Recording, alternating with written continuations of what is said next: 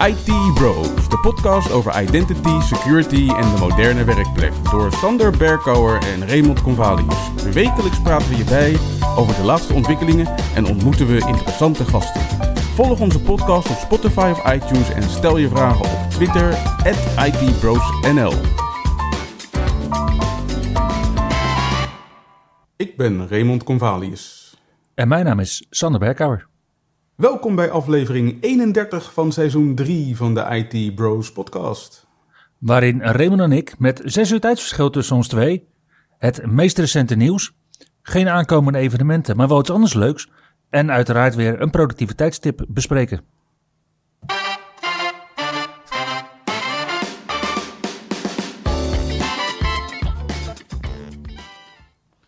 Voor de verandering zit je vandaag heel ver weg, Sander.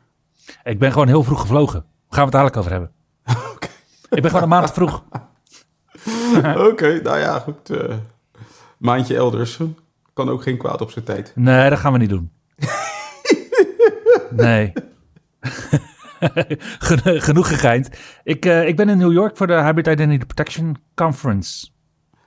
Very interesting. Ja. Ja, ik zie allemaal mensen die ik eh, de afgelopen 15 jaar heb leren kennen als Microsoft MVP. Die eh, hier ook presenteren, dan wel organiseren, dan wel er gewoon gezellig bij zijn. En dat is gewoon heel gezellig. En voor de rest hebben we het vooral nog heel veel over ehm, Azure AD. We hebben allemaal heel veel moeite om die, eh, om die knop om te zetten naar Entra ID en Entra Connect. Ja, zoals wij vorige week ook eigenlijk concludeerden. Ja, ik denk dat we daar de komende maanden nog wel even zoet mee zijn. Ik merk het ook als ik nu documentatie aan het schrijven ben, dat ik nog automatisch gewoon overal Azure AD opschrijf met het idee van nou, ik doe later nog wel even search and replace. Ik heb me laten vertellen dat je in Word, ook als je dan Azure AD eh, intypt, dat je dat dan ook automatisch kan laten veranderen al door Entra ID. dat is inderdaad ook een optie.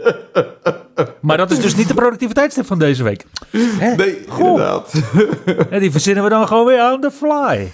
Precies. nou, even terug landen op, eh, op de grond, zeg maar. Ja, Ehm, afgelopen week Windows 11 Insiders gebeurde bijna niks. Ik denk dat ze daar ook eh, naar de Hybrid Identity Protection Conference zijn geweest. nou nee, niet allemaal. ik had ze wel herkend hoor, denk ik. Want wij Ja. kennen ze natuurlijk vanuit het productteam, vanuit de MVP Summit van april dit jaar. Nee, inderdaad. Maar goed, er, gebeurde dus zo goed als niks. In het Canary Channel was er een eh, servicing pipeline test. Dat wil zoveel zeggen als dat beeld 25.931 werd geüpgrade naar 25.31.10.10. En dat er geen functionaliteit bij kwam. Maar de test is dus geslaagd, denk ik. Inderdaad. Dan heeft het Windows team nog wel even gekeken naar wat ze nou gaan doen volgende maand. Uiteraard gaan ze wat kwetsbaarheden adresseren. Dat kan je verwachten als echte IT-pro. Maar ze gaan ook nog wat nieuwe functionaliteit introduceren. En op Windows 11 valt dat nog wel mee. Want daar zie je vooral veel nieuwe features rond de zoeken functionaliteit. En hebben we het vooral zeg maar zoeken op de Windows taakbalk. Ja. En daar wordt het dan niet heel erg warm van. Maar op Windows 11 krijgen we nu ook een nieuwe Group Policy instelling. En het is ook een instelling in de Settings app. En je raadt het al, je kan het ook via Intune doen. Mhm. En die instelling heet Enable Optional Updates. En die kun je instellen als automatically receive optional updates, including controlled feature rollout. Of gewoon automatically receive optional updates. Of users can select which optional updates to receive. Dus die optionele updates waar we het dan deze week over hebben. Waar je Microsoft dus gaat kijken van nou, dit is wat we van plan zijn met zoeken. En als we geen feedback krijgen, dan zie je dit gewoon ook in de september update terug. Over drie weekjes. En ik denk dat dat voor Windows 11 nog wel meevalt. Maar voor Windows 10, daar doet Microsoft even meer hun best. Want in KB 502.9.331, dat is dus die optionele augustus 2023 update, zien we de Windows Backup app zoals we die ook kennen uit Windows 11. Nice. Ja, die wordt automatisch geïnstalleerd. Nu dus via de optionele update Als je vanaf volgende maand de community update draait voor Windows 10 22H2, dan zul je zien dat die app ook standaard wordt geïnstalleerd. En die app is goed nieuws, want nu kunnen eindgebruikers bijvoorbeeld zelf backups maken naar OneDrive. En waarbij ze dus ook bijvoorbeeld wifi-wachtwoorden richting hun Microsoft-account kunnen backuppen. En daarnaast heeft Microsoft, en dat hebben ze natuurlijk al in Windows 11 gedaan, en dat brengen ze dan nu dus naar Windows 10, ervoor gezorgd dat de vinkjes voor al dat soort functionaliteit niet langer verspreid zitten door het hele besturingssysteem, maar gewoon in die backup app. Cool. Dan is de locatiedetectie verbeterd. En dat is handig voor bijvoorbeeld eh, weer en nieuws. Krijg je meer notificaties voor je Microsoft-account in het startmenu. En is de zichtbaarheid van het zoekenveld verbeterd. Oké. Ja, dan is het eh, deze week ook tijd voor de lang verwachte nieuwe versie van Microsoft Edge. Yep. Namelijk Edge versie 116 is uit. Met Mhm. versienummer 116.0.1938.54. En daarin zit Edge for Business. Volgens mij hebben we daar twee weken terug al even over gehad. Ja, duik de koffer in met Edge, Precies. zeiden we toen. Mijn eh, ja, bijna wel favoriete functionaliteit in Edge wordt nu gewoon standaard voor iedereen met een Work or School account. In de zin van dat je browser opstart met je Work or School account ingelogd als profiel. Mhm. Waarmee je gelijk enterprise grade security meekrijgt. Dus settings die eventueel zijn geconfigureerd door je beheerder. En waarbij je automatisch gaat wisselen tussen je Microsoft-account en je Entra-ID-account wanneer je naar bepaalde sites gaat. Ja, en dan vertel je nog niet eens het hele verhaal, hè? Want wat Microsoft over heeft is enterprise grade security, productivity, manageability en AI built in. Ja. Ja, zodat we niet vergeten hoe vet Edge eigenlijk is. Inderdaad. Ondertussen kan je nu ook de Edge sidebar vastmaken aan je bureaublad. Ja, op Windows 10. Ja, je moet het alleen zelf even configureren. Het is gelukkig is het opt-in. Dus de sidebar, die kregen we gratis. Maar als je dat onding permanent aan je Windows bureaublad wil koppelen, ja, dan moet je dat even zelf doen. Ja, Oké, nou, gelukkig zou ik dat maar zeggen. Ha, keuze vanuit Microsoft. De keuze is een reuze. Doe ik het wel, doe ik het niet. Ja. Maar goed, je zei het al, over een maand wil je eigenlijk weer in New York zijn. Want dan gaat Microsoft een aantal aankondigingen doen. En Ja. de verwachting is dat ze aankondigingen gaan doen die te maken hebben met Surface en Copilot. Oké. Ja, er zijn natuurlijk al tijden geruchten over een Service Go 4. En die zou dan met een ARM-processor komen. Misschien wel de SQ3. We weten het niet. Dan kijken mensen rijkhalzend al uit naar Service Laptop Studio 2. Want de processor in het apparaat gaat al een tijdje mee. Dan natuurlijk een Service Laptop Go 3. De derde variant van de Service Laptop Go. Maar aan de andere kant is Microsoft natuurlijk ook nog steeds een softwareleverancier. Dus misschien eh, wordt dit wel het evenement voor Windows 11 23H2. Zou zomaar kunnen. Al verwacht ik die zelf eerder rond Ignite. Nee, ik weet het dus niet. Want wat ik namelijk lees is dat Microsoft heel hard bezig is met Copilot voor de Foto's-app, de Snipping Tool, de Camera-app en zelfs voor Paint.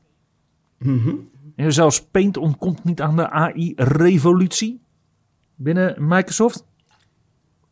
Maar dat wel voor sommige van die functionaliteit misschien een NPU of misschien zelfs wel een VPU benodigd is.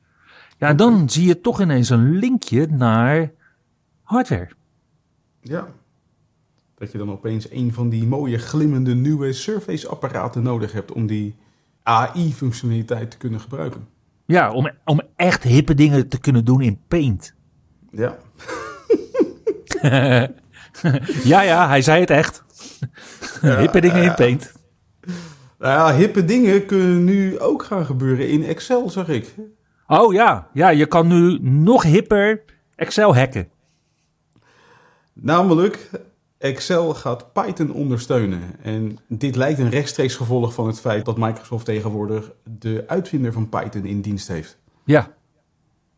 Ja, en ik vind ook eigenlijk wel ergens dat ze dat best slim doen. Want als je gaat kijken naar wat de Achilleshiel is van Office, qua informatiebeveiliging dan, dan is dat Visual Basic code, een VBA-code die je in Office her en der kunt gebruiken en daardoor dus bepaalde dingen kunt laten doen. Uh, niet alleen goede dingen, maar ook inderdaad willende dingen. En ja, met Python zou je dan denken van nou, dat is een, een hele nieuwe doos met wonderlijke functionaliteit die we gaan openmaken in Excel. Want VBA was niet genoeg. Maar Microsoft gaat er toch even iets anders doen in uh, Excel. En dat komt dan naar ons toe vanaf Excel versie 16.0.16 18.2000 en hoger. Dus dat doen nog wel heel eventjes. Maar je kunt er nu al mee spelen in het Microsoft 365 Beta Channel. Als je een Microsoft Office Insider bent. En wat je dan kunt doen in een willekeurige Excel-cel, zou je dan dus het uh, gelijk dan teken kunnen gebruiken. Dan PY. En dan tussen haakjes je Python code. En iedereen die ooit iets heeft gedaan met Python op Windows, die weet dat je, als je Python wil gebruiken in Windows, dat je best wel wat van die open source meuk op je systeem moet gaan implementeren en installeren. En in ini-files mag gaan lopen klooien en dat soort dingen.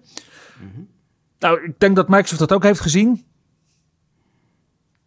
En ze hebben gezegd van nou, we gaan mooi die Python-code gewoon niet lokaal op jouw machine draaien. Nee, ben je gek? Wat, je, wat, we, sorry, wat we gaan doen, is dat we die code in de cloud uitvoeren met een hypervisor geïsoleerde Azure Container Instance. En daar zitten dan dus allerlei Python add-ons al in, zodat je je daar geen zorgen over hoeft te maken. En je dus ook geen zorgen hoeft te maken over het informatiebeveiligingsniveau van jouw Excel-installaties. Ja, klinkt interessant. Het, voegt, volgens, het verzorgt volgens mij ook wel voor allerlei beperkingen dan als je Python-code gaat gebruiken in je Excel-sheet. Ja, je kan het alleen gebruiken als je een internetverbinding hebt. Sowieso. En je kan dus bijvoorbeeld niet Python gebruiken om allerlei interessante dingen van je lokale netwerk af te plukken en zo. Nee, nee, je zal inderdaad alles wat je wilt meegeven aan die Python-code, die zou je inderdaad in het Excel-blad moeten gaan toevoegen. Oké, boeiend. Nou ja, ik vind het een betere aanpak dan wat sommige hosters bijvoorbeeld doen. Tja, in Denemarken is er nu wel echt iets ja, spectaculairs gebeurd in die zin. Azero Cloud en Cloud Nordic, dat zijn twee hosters. Mhm. Die volgens mij onder één vlag opereren. Die zijn aangevallen door hackers. Mhm. En die hackers die zijn erin geslaagd om alle relevante data met alle backups te versleutelen en ransom te eisen. De waarborgsom die geëist wordt, schijnt 6 bitcoins te bedragen, dus ongeveer 1 miljoen dollar. Mhm. En de eigenaren van het bedrijf hebben van de politie het advies gekregen om niet te betalen. Nou, dat is één ding. Ze gaan dus ook niet betalen. Alleen ja, het gevolg is dat de CEO, Per Jacobsen, nu al heeft aangegeven dat hij verwacht dat er geen klanten zullen overblijven na deze hack. Want ze zijn alle data van alle klanten kwijt. Het is eh, lastig factureren als je niet weet wat het rekeningnummer is aan de overkant. Precies. Ja. En daarmee is het gewoon klaar voor deze Deense hoster. En ja, zo kan het dus ook gaan na een, uh, een geslaagde ransomware hack. Ja, gelukkig is het percentage geslaagde ransomware aanvallen ten opzichte van totaal aantal ransomware aanvallen relatief klein. Mhm. Maar je ziet inderdaad wel dat de impact dan behoorlijk is. Ja, dit is wel een eentje van de buitencategorie als ik het zo lees. Zeker.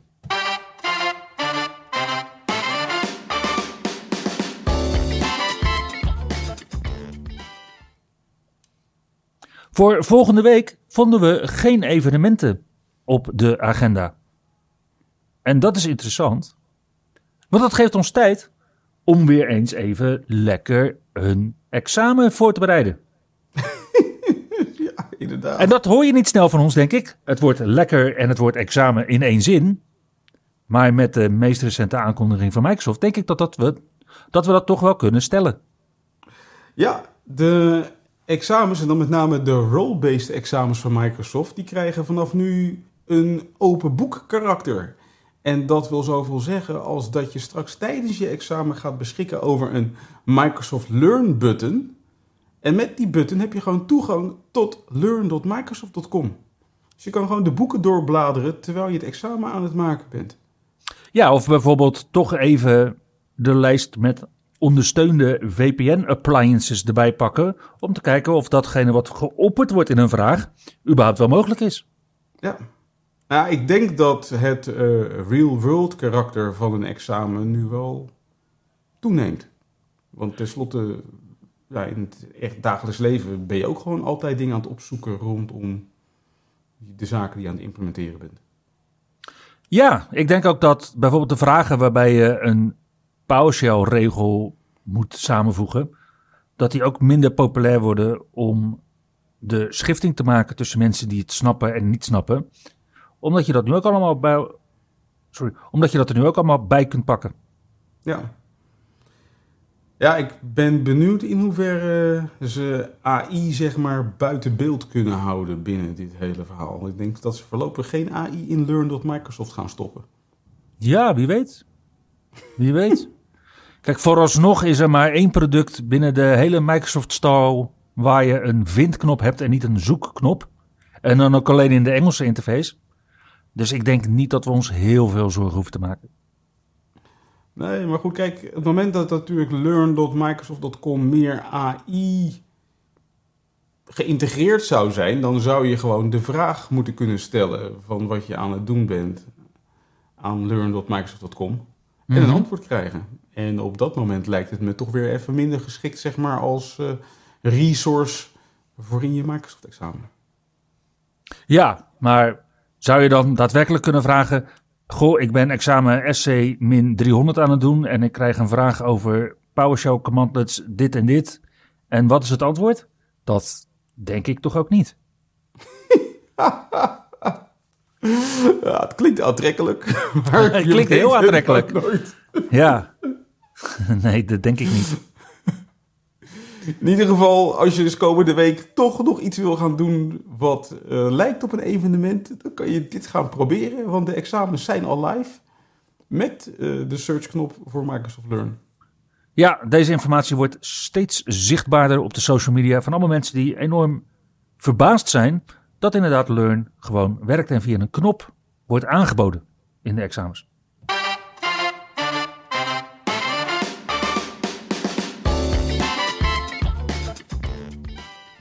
Hey Ray, wat is de productiviteitstip van deze week? Nou, deze week heb ik een tip van eh, Jen Gentleman te pakken, Ah, die ik eigenlijk ook niet kende in die vorm. We kennen allemaal de Task Manager. Hè? Dan kan je Mhm. Van al je applicaties en al je processen een lijstje krijgen met onder andere hoeveel geheugen ze verbruiken en hoeveel beslag ze leggen op je CPU en dat soort zaken. ja, En dat kan je ook selecteren op volgorde. En als je dan bijvoorbeeld kiest voor eh, CPU-belasting, mhm. dan zie je die procesjes zo op en neer springen in je lijstje. ja, En als je dan meer informatie wil hebben over één specifiek proces, dan is het een beetje hit en miss. En vooral, vooral mis. Ja, Precies. en, en om dat te voorkomen, blijkt er gewoon een pauzeknop te zitten in de Task Manager. oké. Namelijk als je de control-toets gebruikt, Mhm. dan stopt het lijstje met verspringen. En heb je alle tijd om in het lijstje het proces of de applicatie te selecteren die je wilde selecteren. En daarvan bijvoorbeeld de eigenschappen op te vragen. Oké, Of, of het proces te beëindigen of iets van die strekking. Dus die controltoets, die, ja, die stopt gewoon het lijstje zeg maar, in verspringen, zodat je even niet hit en miss hoeft te doen. En dan kan je gewoon verder. Dit werkt zowel in Windows 10 als in Windows 11. nice. En eigenlijk wist ik dit gewoon niet. En eigenlijk heb je dus ook helemaal geen reden om te upgraden naar Windows 11. Oh, sorry, zei ik dat hardop? Nou, er zijn genoeg andere redenen om, Ja, om te ja. upgraden hoor, naar Windows 11. Onder andere dat alle informatiebeveiligingsmaatregelen een beetje standaard aanstaan. Bijvoorbeeld. Yep. En daarmee komen we aan het einde van aflevering 31 van seizoen 3 van de IT Bros podcast. Dankjewel voor het luisteren. En tot volgende week. Tot de volgende keer. Je luisterde naar IT Bros, de wekelijkse podcast over identity, security en de moderne werkplek. Abonneer je op Spotify, iTunes of Google Podcast als je de volgende aflevering niet wilt missen. Heb je hints of tips? Laat dan van je horen op Twitter. @itbrosnl